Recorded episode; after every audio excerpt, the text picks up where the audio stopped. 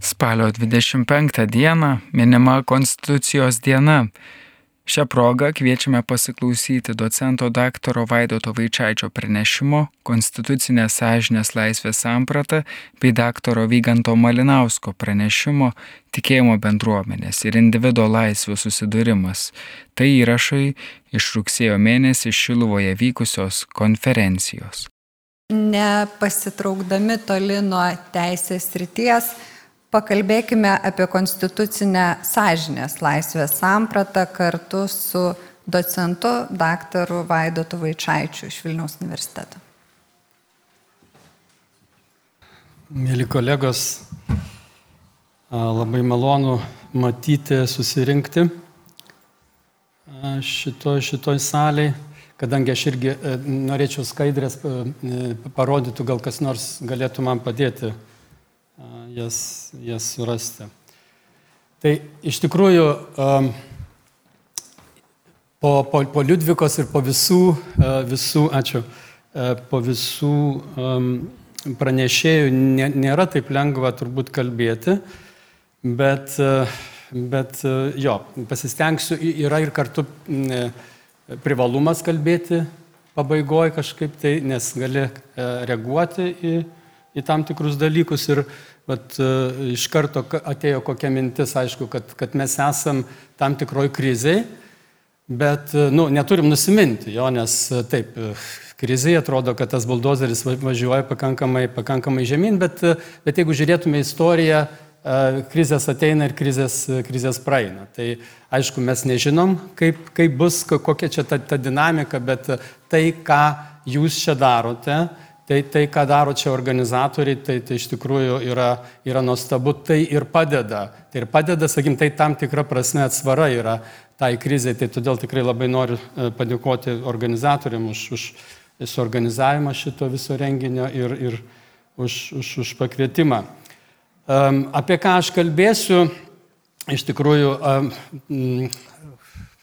bandysiu kalbėti būtent apie, apie sąžinę apie, iš konstitucijos perspektyvos, bet kodėl jau buvo daug kas pasakyta, kodėl dabar mums verta, kodėl mes kalbam apie, apie, apie sakykime, sąžinę arba sąžinės laisvę. Tai žinom, yra e, įvairių konfliktų, problemų, kur, sakykime, dvasininkų, politikų ar net katechitų teisė cituoti švento rašto vietas yra e, tam, tam tikrose, kur, kur rašoma, pavyzdžiui, apie tos pačios lyties asmenų lytinius santykius, e, nu, e, yra susiduria su tam tikrom problemom. Ne? Ar, sakykime, matom tam tikras pro problemas su pedagogų teisė atsisakyti mokyti apie su, su, su gender ideologija susijusius dalykus. Matome problemų su tėvų teisė atsisakyti, kad jų vaikai būtų ugdomi pagal, sakykime, gyvenimo įgūdžių ūkdymo ar, ar, ar kitas programas, jei tai prieštarauja jų sąžinė. Jo, me, jau čia buvo kalbėta Andriaus, medikų farmacininkų teisė atsisakyti teisę teikti paslaugas susijusias, sakykime, su abortais, jeigu tai prieštaraus jų sąžiniai. Paciento galų galę teisė atsisakyti skiepų, kurie pagaminti naudojant e, abortuotų vaikų kamienės lastelės ir taip toliau, ir taip toliau, ir taip toliau. Tai e, iš tikrųjų tų čia tik tai keletą pavyzdžių paėmiau. Tai kaip, kaip kalbėsiu aš, tai būtent toksai trumpas pranešimo planas, tai visų pirma, dabar madingas tas žodis pasakojimas naratyvas, reiškia, tai konstitucijos naratyvas apie žmogų, nes e, čia yra, reiškia, sąžinės religijos ir, ir minties žodžio laisvė tai yra žmogaus teisės, jo, tai vat, būtent apie žmogų, negalim kalbėti apie žmogaus teisės, nesuprantant e, žmogaus sampratus. Jo, tada apie žmogaus sąžinės e, savoką ir žmogaus sąžinės laisvės savoką. Tai daug maž toksai bus e, mano, mano trumpas, trumpas kalbėjimas. Dabar Konstitucijos naratyvas apie žmogų. Ne, ne apskritai kalbėsiu apie žmogų, bet būtent E, konstitucijos naratyvas. Dabar kodėl svarbu mums, sakykime, ypatingai krizės metu, e, krizės metu kalbėti apie konstituciją, todėl kad mes, e, mėlyjei, neturim kito, kito sakykime, socialinės sutarties, kuri mus sujungtų į pilietinę visuomenę. Nu, vat, sakykim, sakytume, šventas raštas. Jo dėja, ne visi mūsų visuomenės nariai skaito šventą raštą arba jeigu skaito gal skirtingą, o kiti visai neskaito. Jo. Tai vat konstitucija yra tas, ta, tas tekstas, ta, ta sutartis, kuri mūsų suvienyje į tą pilietinę tautą. Jo, tai todėl labai, ypatingai krizės metu, turim grįžti vėl prie ištakų, ne, prieš, kas, kas buvo prieš 30 metų, ir vėl iš naujo atrasti tuos paprastus dalykus. Tai labai ačiū Liudvikai, kad, kad užsiminė apie kalbą, nes iš tikrųjų kalba ir, ir yra esmė. Jeigu kalbą mes pakeisim, tai, tai nu, tada viską galim pakeisti. Ne? Bet ačiū Dievui turim konstituciją Ir ten nėra tam tikrų terminų. Pavyzdžiui, mes net neturim tokių terminų kaip gender ar, ar kažkokių kitokių, ne? tai mes turim tuos terminus, ne? ir jie yra, sakykime, konstituciškai įsementuoti.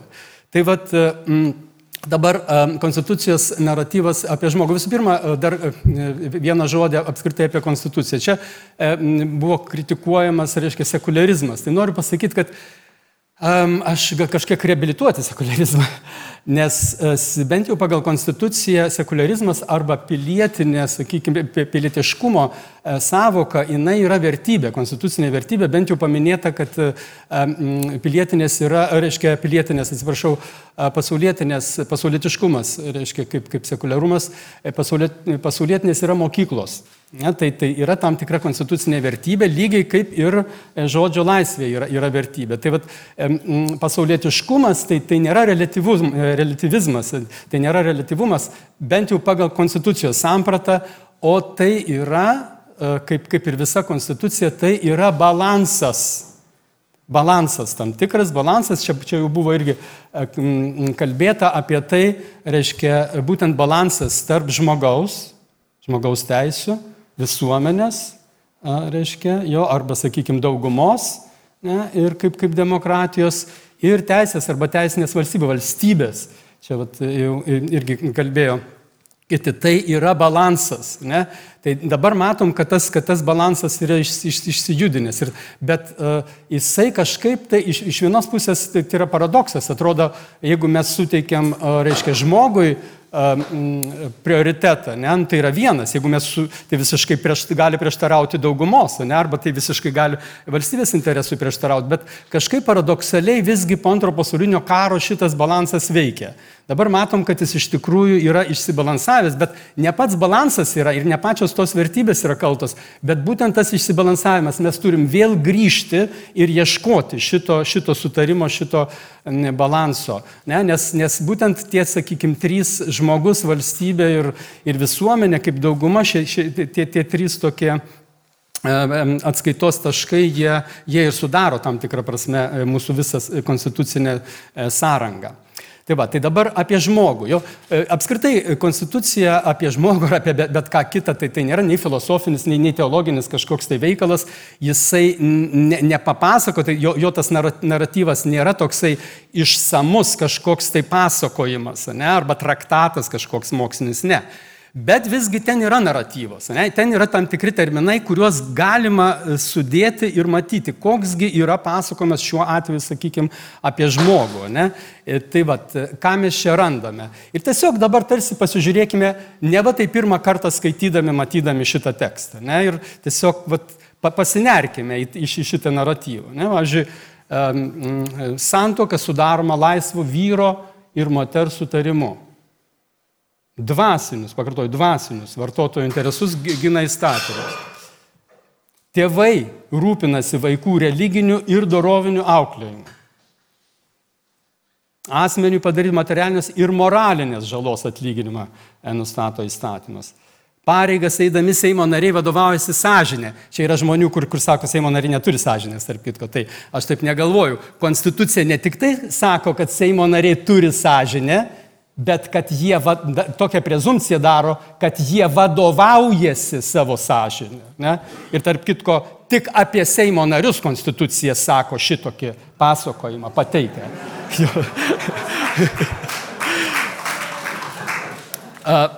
toliau žiūrėkim, ką, ką sako, reiškia, to, toliau apie, apie sakykime, žmogų jau, sakykime, žmogaus teisų e, kontekste. Čia labai gerai buvo pasakyta, kad neįmanoma, e, reiškia, prieš tai e, kalbėjusiu, neįmanoma kalbėti apie žmogų ir, sakykime, apie sąžinę už visuomenės ir valstybės ribų. Reiškia, nes ta, ta prasme, kaip mes šiandien konstitucijų suprantam, kas yra žmogaus teisės, ta, ta, tame tarpe ir, ir sąžinės laisvė yra visuomenėje ir valstybėje. Valstybė yra, kaip paradoksas, yra žmogaus teisų elementas. Reiškia, nes valstybė padeda įgyvendinti e, žmogaus teisės, jinai apgina, bet be, be, be, be valstybės kaip, kaip, kaip elemento tam tikro žmogaus teisų nebūtų žmogaus teisų, kaip mes šiandien, šiandien suprantame. Tai vad pažiūrėkime e, kitas, reiškia, naratyvas jo apie, apie žmogų. Žmogaus teisės ir laisvės yra prigimtinės. Tiesiog įsiklausykim. Žmogaus teisė į gyvybę saugo įstatymas. Žmogaus laisvė neliečiama. Žmogaus asmuo neliečiamas. Žmogaus orumą gina įstatymas. Žmogaus privatus gyvenimas yra neliečiamas. Čia minties tikėjimo ir sąžinės laisvė yra nevaržoma. Įstatymui visi asmenys yra lygus. Stipru, taip? Tai e, dabar pabandysiu e, greitai kažkiek tai, sakykime, dekonstruoti tai, tai, tai ką mes girdėjome. Ne? Tai visų pirma, e, sakykime, būtų tokia žmogaus konstitucinės sampratos dekonstrukcija, tai žmogus turi pagal 18 straipsnį nekintamą prigimti. Čia ne teologinis traktatas tas sako, čia konstitucija sako, nekintama priginti, kurią sudaro vyriška ar moteriška lytis, kad žmogus turi ne tik fizinį, fizinį kūną, bet ir dvasę, žmogus turi dorovę ir moralę, žmogus yra laisvas, žmogus yra asmuo. Tai yra, jis turi santyki su kitu ir su valstybė. Tai yra, pagal konstituciją jis yra pilietis, jis yra tėvas, vaikas, sutoktinis. Žmogus turi orumą ir privatumą. Žmonės pagal prigimtin yra lygus, lygiai teisiški. Žmogus gali turėti tikėjimą ir religinius įsitikimus. Ir žmogus turi sąžinę. Jūs įsivaizduojate, čia konstitucija. Čia ne filosofinis, moralinis, čia ne šventas raštas. Ne? Tai, tai įsivaizduok, vad grįžtam prie kalbos. Ne, kai, už ko galima, kur yra dabar pamatas, už ko galima užsikabinti šitoj krizai, ne? kur galime ieškoti, uh, sakykime, šaltinio, kuris galėtų padėti iš krizės mums išeiti. Ne? Aišku, konstitucija taip pat kaip ir bet kokį kitą tekstą galima per, per, per tam tikras alegorijas, per, per tam tas analoginius, reiškia, dalykus mąstyti. Tai turbūt, pavyzdžiui, jeigu, jeigu pasimtume švento rašto, sakykime, palyginimus, ne, kaip ten, ten apie sąžinę nekalba, tarp kitų labai įdomu. Šventame rašte apie sąžinę nekalba, bet konstitucijoje kalbama. Kur, kuris tekstas yra, yra tam tikrą prasme šventesnis.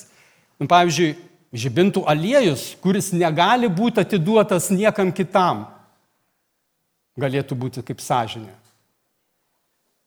Ne, tos mergelės netidavė. Kažkas yra tokio žmoguje, kur mes perleisti kitam negalim. Netgi jeigu ir labai prašo, duok. Artėja, ateina jaunikis, ne, negaliu. Arba talentas, kuris negali būti užkastas. Sąžinė, mes turim ją tobulinti. Ne, negali būti užkastas ir, ir, ir, ir paliktas. Ne? Bet e, kas yra, sakykime, man gal, gal įdomiausia, tai čia mato, mato Evangelijoje yra toksai, e, reiškia, pasažas, kur, kur, kur fariziejai klausė, mokytojau Jėzaus klausė, koks yra įstatymas didžiausias, įsakymas yra didžiausias įstatymė. E, tai Jėzus pagal, pacituoja Torą čia, aš sako, mylėk viešpati savo Dievą visą širdimi, visą sielą, visų protu. Tai šitas jo atsakymas um, ne tik pasako apie Dievą kažką tai, kad jį mes turim mylėti visą širdimi, sielą ir protu, bet ir apie žmogų. Kas yra žmogaus esmė?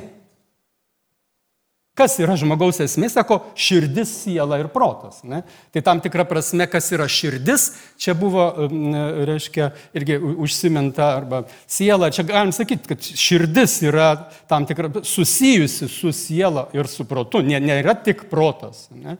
bet susijusi šita, reiškia, samprata širdies, arba širdis yra ir siela, ir, ir protas. Tai panašiai galime skaityti e, tą mūsų garsų į Konstitucijos 26 straipsnį.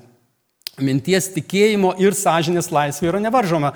E, Konstitucija neturi pateikti samprato apibrėžimą, kas yra sąžinė. Ne?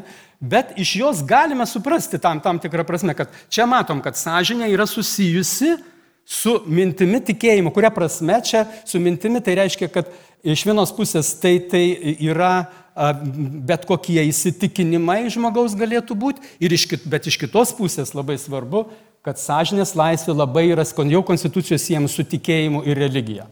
Nes šitą čia mes, mes matėm sovietmečiu. Ne? Kas garsiausiai kalbėjo apie sąžinės laisvę?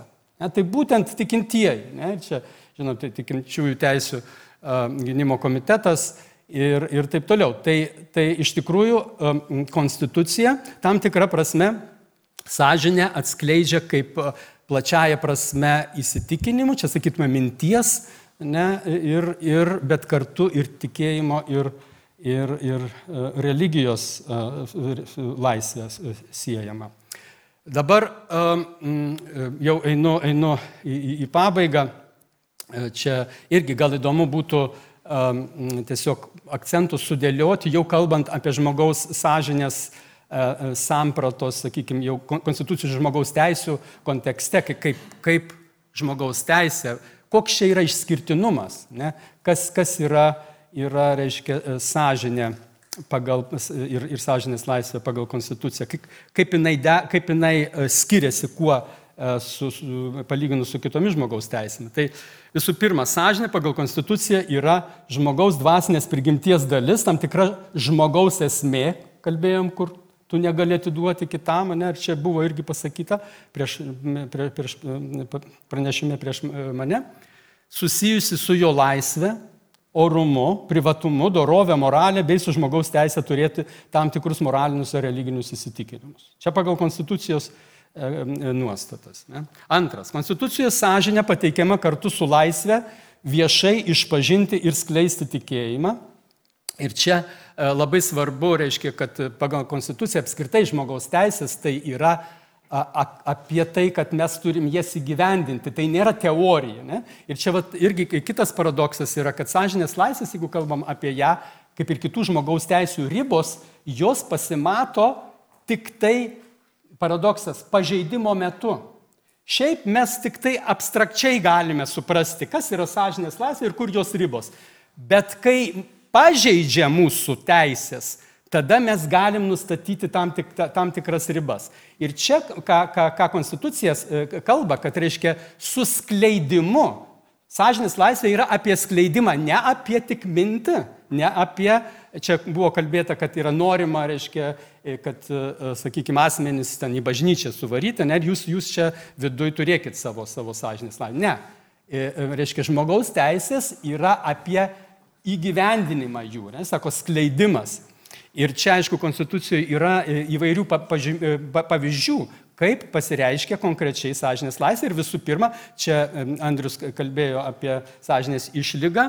Konstitucijoje yra numatyta galimybė pasirinkti alternatyvę krašto apsaugos tarnybą.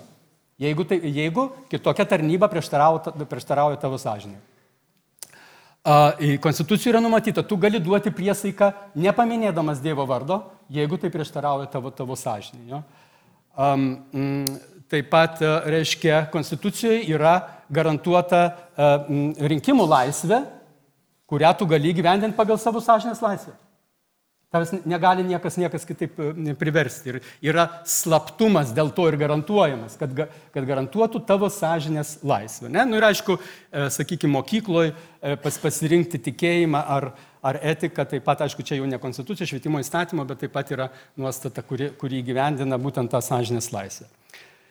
Kas dar įdomu, kad pagal Konstitucijos 26 straipsnį, kur, mes, kur aš citavau, būtent e, sąžinės laisvė yra pagrindinė žmogaus teisė. Yra Konstitucija ne, ne, nepateikė reiškia sąrašo, kurios yra pagrindinės, kurios yra, e, kaip aš vadinčiau, socialinės, kultūrinės, profesinės ar ekonominės, bet e, iš, iš jos konteksto galima sakyti, kad tos pirmosios kelios žmogaus teisės, tame tarpe ir, ir sąžinės laisvė yra pagrindinė.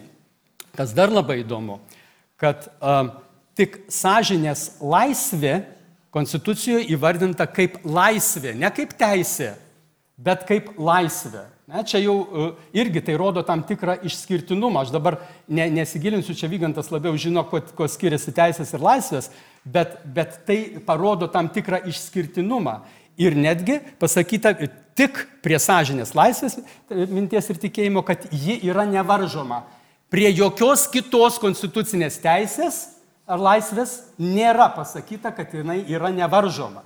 Ne? Tai įsivaizduot, kaip konstitucija supranta, kokį išskirtinumą teikia sąžinės laisvė. Na nu ir galų gale, kuria prasme nevaržoma. Tai ne, ne, nereiškia, kad negali būti ribojama, čia labai teisingai Liudvikas buvo pasakyta, gali būti ribojama tam tikrais atvejais, bet tas terminas konstitucijų pavartojimas nevaržoma reiškia, kad jinai gali būti ribojama tas ribojimas e, turi būti siauresnės apimties negu kitų prigimtinių žmogaus teisų. Gali būti tik siauresnės apimties. Galų galia netgi nepaprastosios e, padėties ir karo metu pagal 145 straipsnį ji negali, sąžinės laisvė negali būti apribota labiau negu, negu kitų metų. Kaip, pavyzdžiui, kitos pagrindinės, kaip, sakykime, teisė į susirinkimą, reiškia, žodžio ir, ir, ir kitos laisvės gali būti apribojamos, bet nesažinės laisvė, netgi nepaprastosius ir karo. Tai, va, tai, tai pagalvokim, kaip, koks konstitucijos naratyvas, apskritai ne tik tai apie žmogų, žmogaus teisės, bet apie sąžinės laisvę. Kaip jinai, kaip jinai ją, ją, ją mato. Ne? Ir e, tada grįžtu prie, prie pirmojo, to, to, to sakykime, prie pirmosios skaidrės, e, po, po viso to reiškia, ar iš tikrųjų žmogus Lietuvoje vis dar E, naudojasi, ne, ne tik, kad gali, bet naudojasi savo sąžinės laisvę. Ne, ar dvasininkai ir katechetai turi teisę cituoti švento rašto vietas, ne, e, tam tikras. Ar pedagogai turi teisę viešai nepritarti gender ideologijai. Ar tėvai turi teisę atsisakyti ir auklėti savo vaikus pagal savo um, įsitikinimus. Ar medikai, farmacininkai taip pat turi e, teisę pasinaudoti savo sąžinės laisvę laisvė ir, ir, ir pacientai taip na, atsisakyti e, skiepų, kurie pagaminti naudojant abortuotų vaikų kamienės lastelės. Tai, tai pamastykime, ne, kaip šitame konstituciniam naratyve, e, reiškia sąžinės, sąžinės laisvė, e, kaip jinai suprantama ir tada tikrai, e, tikrai e, gal padės geriau atsakyti tuos klausimus. E, ir pabaigai tikrai konstitucinė, kaip ir bet kokia kita žmogaus teisė, sąžinės laisvė galima įgyvendinti tik naudojantis ją. Pamastykim, jeigu mes persikinkim į tokią visuomenę Lietuvos, kur visi, kiekvienas pilietis naudojasi savo teisę, gina savo teisę. Pamastykim apie tokią visuomenę. Tai ar galėtų, sakykime, kažkas tai manipuliuoti šitokią visuomenę? Jeigu kiekvienas pilietis, jis, jisai apskūstų, jeigu mano, kad jo sąžinės laisvė yra, reiškia, arba institucija, arba teismui, ne, viešai pasipikint, ar, ar galėtų būti kaip nors manipuliuojama? Negalėtų. Jo? Tai va, viską mes turim, iš tikrųjų, tai čia aš baigiu su, su, su tam tikra viltimi, viską mes turim, naudokime tai. Tai ačiū labai.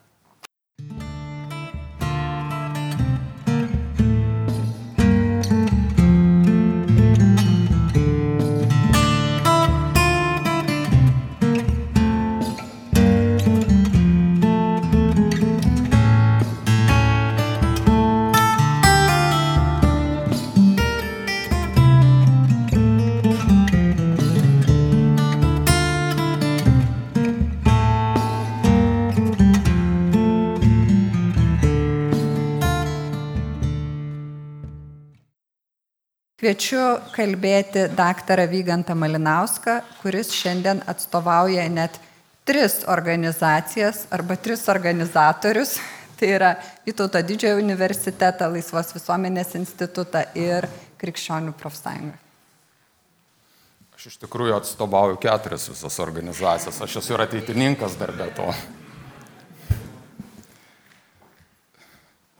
Šios konferencijos organizatoriai, kviesdami apmastyti Šiluvos deklaracijos tezę, kad kuries apdovanojo mus protų ir laisvės gale pažymėta prigimtimi, kurią esame kviečiami išskleisti geriausių būdų, tuo pačiu kvietė pasvarstyti, ar mūsų prigimtinis troškimas išskleisti savo prigimtį geriausių būdų neveda į konfliktus. Kai vieno noras išskleisti savo prigimti taip, kaip jam atrodo geriausia, tampa kliūtimi kito, kito prigimties skleidimuisi. Ši problema kyla todėl, kad žmogus yra socialinis gyvūnas. Ir tam, kad jis galėtų gyventi gerą gyvenimą pagal savo išpažįstamą gero gyvenimo sampratą, jam nepakanka jo paties. Žmogui reikalinga visuomenė, kur egzistuotų pagal taisyklės, palankės jo gero gyvenimo sampratai. Tad, kai pastebi konferencijos organizatoriai, netenka stebėtis, kad įvairios skirtingą geriausią gyvenimo būdą įsivaizduojančios žmonių grupės telkėsi valdžios galę ir savo viziją primeta visai visuomeniai. Tad klausimas yra štai koks. Ar galime sutarti dėl principų, kuriais vadovaudomėsi galėtume visuomenėje iš tiesų gyventi gerą gyvenimą?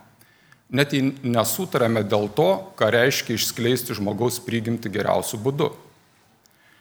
Ar galime sutarti dėl principų, kurie leistų nustatyti teisingas ir priimtinas laisvės, įskaitant religijos ir sąžinės laisvę ribas? Šiandien niekas rimtai nesiginčia dėl to, kad laisvė turi turėti ribas. Net ir tos ideologinės ar politinės grupės, kurios pasisako už kuo platesnę laisvę, jos sutinka ir pripažįsta, kad laisvė negali būti neribota. Tomas Hobsas savo laiku puikiai pailustravo, kaip atrodytų pasaulis, kuriame individuo laisvė neturėtų jokių ribų. Ir mes ne vienas tokiame pasaulyje nenorėtumėm gyventi. Šiandien, ieškant atsakymą į klausimą, o vis tik tai kokiu principu vadovaudomėsi mes galėtumėm suderinti tas tarpusavį konkuruojančias e, gero gyvenimo sampratas, e, pasitelkiamas populiarus posakis kuris skamba taip. Mano laisvė baigėsi ten, kur prasideda kito laisvė. Šį posakį mėgsta kartoti politikai, teisininkai, visuomenininkai. Beje, negirdėjau bažnyčioje to posakio. Čia turbūt todėl, kad na, kunigai nenori prarasti laisvę sakyti ilgus pamokslus. Tačiau Ar pastebėjimas, kad mano laisvė baigėsi ten, kur prasideda kito laisvė, iš tiesų gali tapti kriterijumi ar principu, kuriuo remdamėsi galėtume nustatyti laisvės ribas? Nes jei mano laisvė gyventi gerą gyvenimą riboja kito laisvę gyventi e, gerą gyvenimą pagal jo alternatyvę gero gyvenimo sampratą, mes atsidurėme neišvengiamame konkuruojančių gero gyvenimo sampratų konflikte, kur nu, bandom vienas kitą stumdyti tam, kad mūsų geras gyvenimas turėtų daugiau erdvės. Tad ar galime rasti dar kokį nors alternatyvų sugyvenimo visuomenėje, kurioje susiduria konkuruojančios laisvės ir konkuruojančios gero gyvenimo sampratos sprendimą, e, leidžiant išvengti kažkurios vienos gero gyvenimo sampratos primetimo ar dominavimo. Na, šitas klausimas yra iš tikrųjų pastarųjų kelių šimtų metų klausimas. Ir na, tikrai negalvoju apie save taip gerai, kad aš dabar atsistojęs išspręsiu. Bet na, gal pabandysiu pasiūlyti kai kuriuos jau diskusiją iškylančius atsakymus, kurie galbūt mums leistų duoti tam tikrą kryptį. Vienas iš tokių bandymų spręsti šią problemą buvo 20-ojo amžiaus viduryje. Filosofas Izaja Berlin siūlė spręsti taip kad kiekvienas visuomenės narys turėtų pakankamai erdvę privačią sferą, kurioje jis būtų laisvas nuo jokių išorinių laisvės ribojimų. Kitaip tariant, jeigu tu turi pakankamai e, privačioje erdvėje laisvės, galbūt tada mes galime išvengti to laisvių konflikto. Bet čia yra viena problema. Jei kalbam apie ne šiaip laisvę privačioje erdvėje daryti, ką noriu, bet laisvę gyventi gerą gyvenimą. Čia vėl dažnai savo pranešime kartuoju žodžius geras gyvenimas savo, kad tai turiu omeny ne kokią nors materialinę gerovę ar, ar kažkokį interesų patenkinimą, bet nu, gerą gyvenimą dorybingo arba vertingo, verto gyventi gyvenimo prasme. Ir jeigu mes kalbame apie laisvę būtent gyventi gyvenimą, kurį verta gyventi, vien tik turėjimas privačios laisvės erdvės, kad ir kokia ta erdvė būtų didelė, nėra pakankamas. Kaip nurodė Aristotelis, žmogus yra socialinis gyvūnas. Jis nei fiziologinė, nei kultūrinė, nei dvasinė prasme nėra savo pakankamas. Ir todėl vien tik tai laisvės ribų nebuvimas kokioje nors privačioje erdvėje iš tiesų neužtikrino pilnos asmens laisvės. laisvės ribų nebuvimas savaime nepadaro asmens laisvesniu, net jeigu mes laisvę suprastume siaurai tik tai kaip laisvę rinktis. Todėl, kad aš pats negaliu savo sukurti ir duoti gėrių, kuriuos aš norėčiau pasirinkti. Ir taip pat dažnai asmo nėra ir net ir egzistuojantiems gėriams jis yra nepajėgus tų gėrių siekti. Jam reikalingos darybės, jam reikalingas ūkdymas, kaip yra sakoma, vai, tam, kad užauginti vaiką, yra reikalingas visas kaimas, kuris padėtų vaikui išaukti žmogumi, turinčių darybės, turinčių galimybę siekti to, kas yra iš tiesų geras gyvenimas. Taigi, žmogui reikalingas kaimas, arba kaip mes sakom, žmogui reikalinga bendruomenė, kuri ne tik puoselėtų gėrius reikalingus geram žmogaus gyvenimui, bet ir ugdytų geram gyvenimui reikalingas darybės, įgalinančias siekti tų gėrių. Laisvė pilnai realizuoti išpažįstamą gero gyvenimo sampratą gali būti realizuojama tik priklausant moraliniai bendruomeniai, išpažįstančiai tą pačią gėrio sampratą ir jos vienijamai. Ir šitoj vietoje jau galiu atsakyti į savo pranešimo temą iškeltą klausimą. Iš tikrųjų, klausimas turėtų būti ne kieno laisvės baigėsi pirmiau, individuo ar bendruomenės, bet klausimas iš tikrųjų, arba atsakymas į tą klausimą turėtų prasidėti taip. Iš tiesų, individuo laisvės prasideda ten, kur prasideda bendruomenės laisvė kartu puoselėti gerą gyvenimą be jokio išorinio, ar tai valstybės, ar ideologijos, ar kitų o, o, subjektų kišimus. Jau girdėtose pranešimuose e, tiek arkiviskupo Kestučio, tiek e, profesoriaus Vincenzo Bono buvo pabrėžta, kad laisvė gyventi gerą gyvenimą nėra tik tai laisvė rūpintis savo paties tobulumu vienam ar kartu su kitais bendruomenėje. Laisvė gyventi gerą gyvenimą visuomet turi socialinį aspektą. Tiek senovės graikams, tiek krikščionėms gyventi gerą gyvenimą visuomet reiškia dalyvauti valstybės ir visuomenės bendrojo gyven... gėrio puoselėjime. Apie tai kalbėjo ir šviesios atminties popiežius Benediktas XVI, kuris 2008 metais kreipdamasis į Junktinių tautų generalinę asamblėją sakė, Visiška religijos laisvės garantija negali apsiriboti tik laisvų tikėjimo išpažinimu, bet turi būti deramai atsižvelgta į viešąjį religijos matmenį. Tai ir į, taigi ir į galimybę tikintiesiems dalyvauti kuriant socialinę tvarką. Citatos pabaiga. Religijos laisvė, o taip pat ir sąžinės laisvė niekada nebus pilna, į asmo kaip individas tiek kaip bendruomenės narys neturės galimybių dalyvauti bendrojo gėrio puoselėjime ir kūryboje, tuo pačiu neišsižadėdamas savosios gero gyvenimo sampratos. Ir priešingai, bet kokios pastangos išstumti religiją tik į privačią sritį yra nekas kita kaip pastangos neleisti religingiams žmonėms gyventi gero gyvenimo.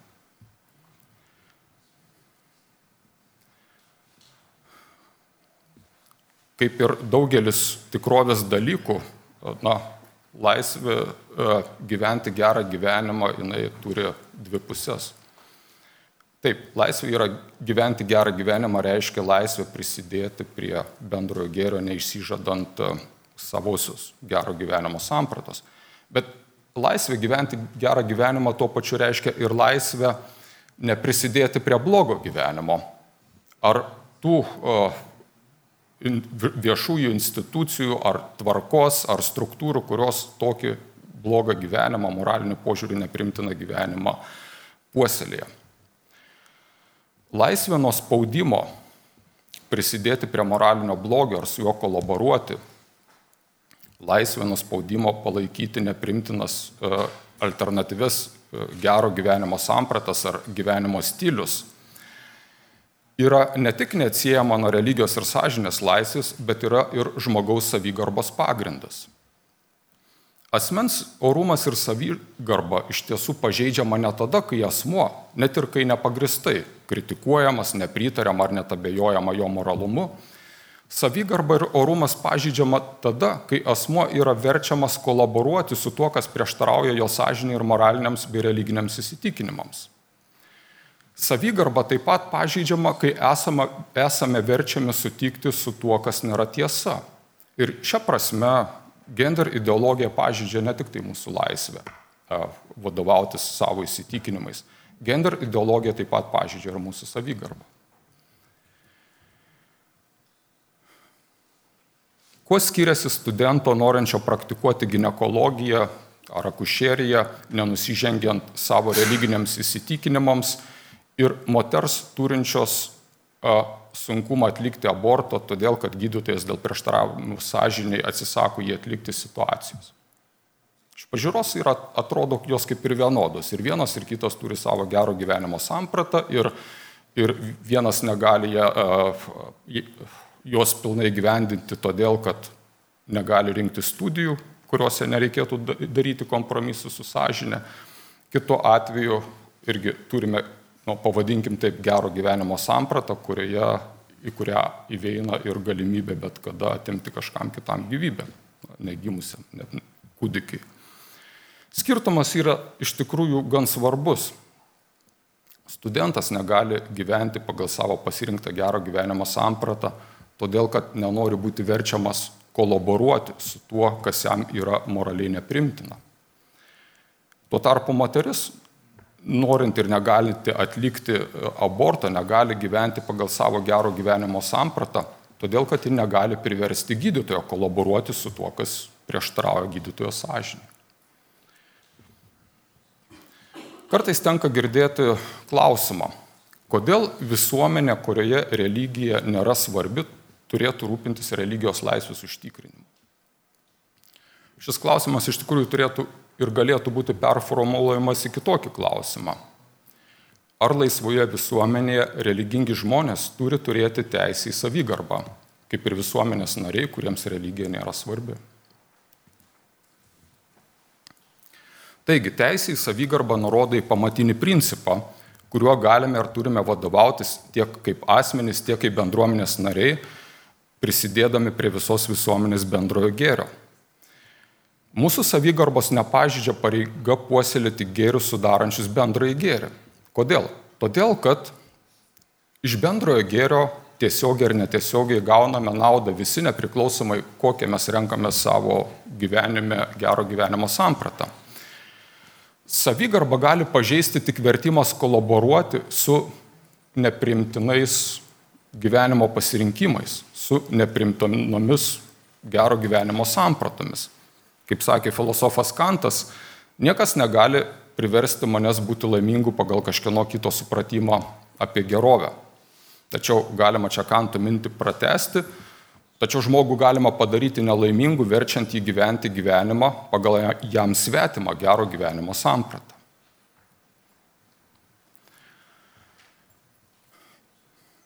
Kai turime omenyje šiuos svarbius mūsų gyvenimo visuomenėje aspektus arba pagrindus, tada galime prieiti prie išvados arba išvalgos, kad tikras visuomenės sutarimas, kuris yra mums reikalingas, nepaisant to, kad mes turime skirtingas vertybės, skirtingas pasaulyje žiūros, e, skirtingas e, gero gyvenimo sampratas, vis tiek mes esame tos pačios visuomenės nariai. Ir turi būti kažkoks mūsų vieniantis bendras vardiklis. Tačiau tikras visuomenės supratimas kyla ne iš visų gero gyvenimo sampratų laikymo vienodai geromis, bet iš pripažinimo tiesos, kad tam tikri gėriai mums reikalingi nepriklausomai nuo mūsų išpažįstamos gero gyvenimo sampratos. Šiandien religijos ir sąžinės laisviai, o tuo pačiu ir asmens savygarbai pavojų kelia ne prigimtinė žmogaus teisės ir laisvės, Šiandien religijos ir sąžinės laisviai pavojų kelia naujai kūriamos dirbtinės teisės ir laisvės, kurios skirtingai nuo prigimtinių sukuria pareigas visai visuomeniai puoselėti ne jų pačių, bet kažkieno kito svetimus gėrius ir remti moraliniu požiūriu neprimtiną gyvenimo būdą. Šilovos deklaracija pakvietė mus visus saugoti žmogaus gyvybę nuo prasidėjimo momento iki natūralios mirties, vyro ar moters prigimti, skirtingumą bei lygivertiškumą, šeimą kylančią iš vyro ir moters santokos, kraujo ir giminystės ryšių, tėvų teisę pagal savo dorovinius principus auklėti vaikus, sąžinės, religijos ir žodžio laisvę. Visi šie gėriai, kurie yra išvardinami Šilovos deklaracija ir kuriuos Šilovos deklaracija ragina saugoti, ypač įstatymų leidėjus, iš tiesų nėra religiniai gėriai, kaip kartais yra įsivaizduojama. Tai nėra gėriai, kuriais tikintieji vadovaujasi dėka prieiškimo, arba tai nėra gėriai, kurių mes negalėtumėm žinoti, jeigu nebūtų prieiškimo. Iš tiesų tai yra gėriai, kurie sudaro prigimtinių teisų ir laisvių pagrindą, nepriklausomai nuo mūsų tikėjimo ir gero gyvenimo sampratos. Todėl Šilovos deklaracija nėra vėliava, kuri kviečia krikščionišką visuomenę mobilizuotis tam, kad savo gero gyvenimo sampratą primestų visai likusiai visuomeniai. Šilovos deklaracija yra kvietimas laikytis autentiško prigimtinio įstatymo, kuris vienintelis gali apsaugoti ir mūsų laisvę ir savigarbą. Konstitucijos dienos proga klausėmės docento daktaro Vaidoto Vaičiaičio pranešimo apie konstitucinę sąžinės laisvės sampratą prie daktaro Vyganto Malinausko pranešimo tikėjimo bendruomenės ir individo laisvių susidūrimas. Tai įrašas iš rugsėjo mėnesį Šiluvoje vykusios konferencijos.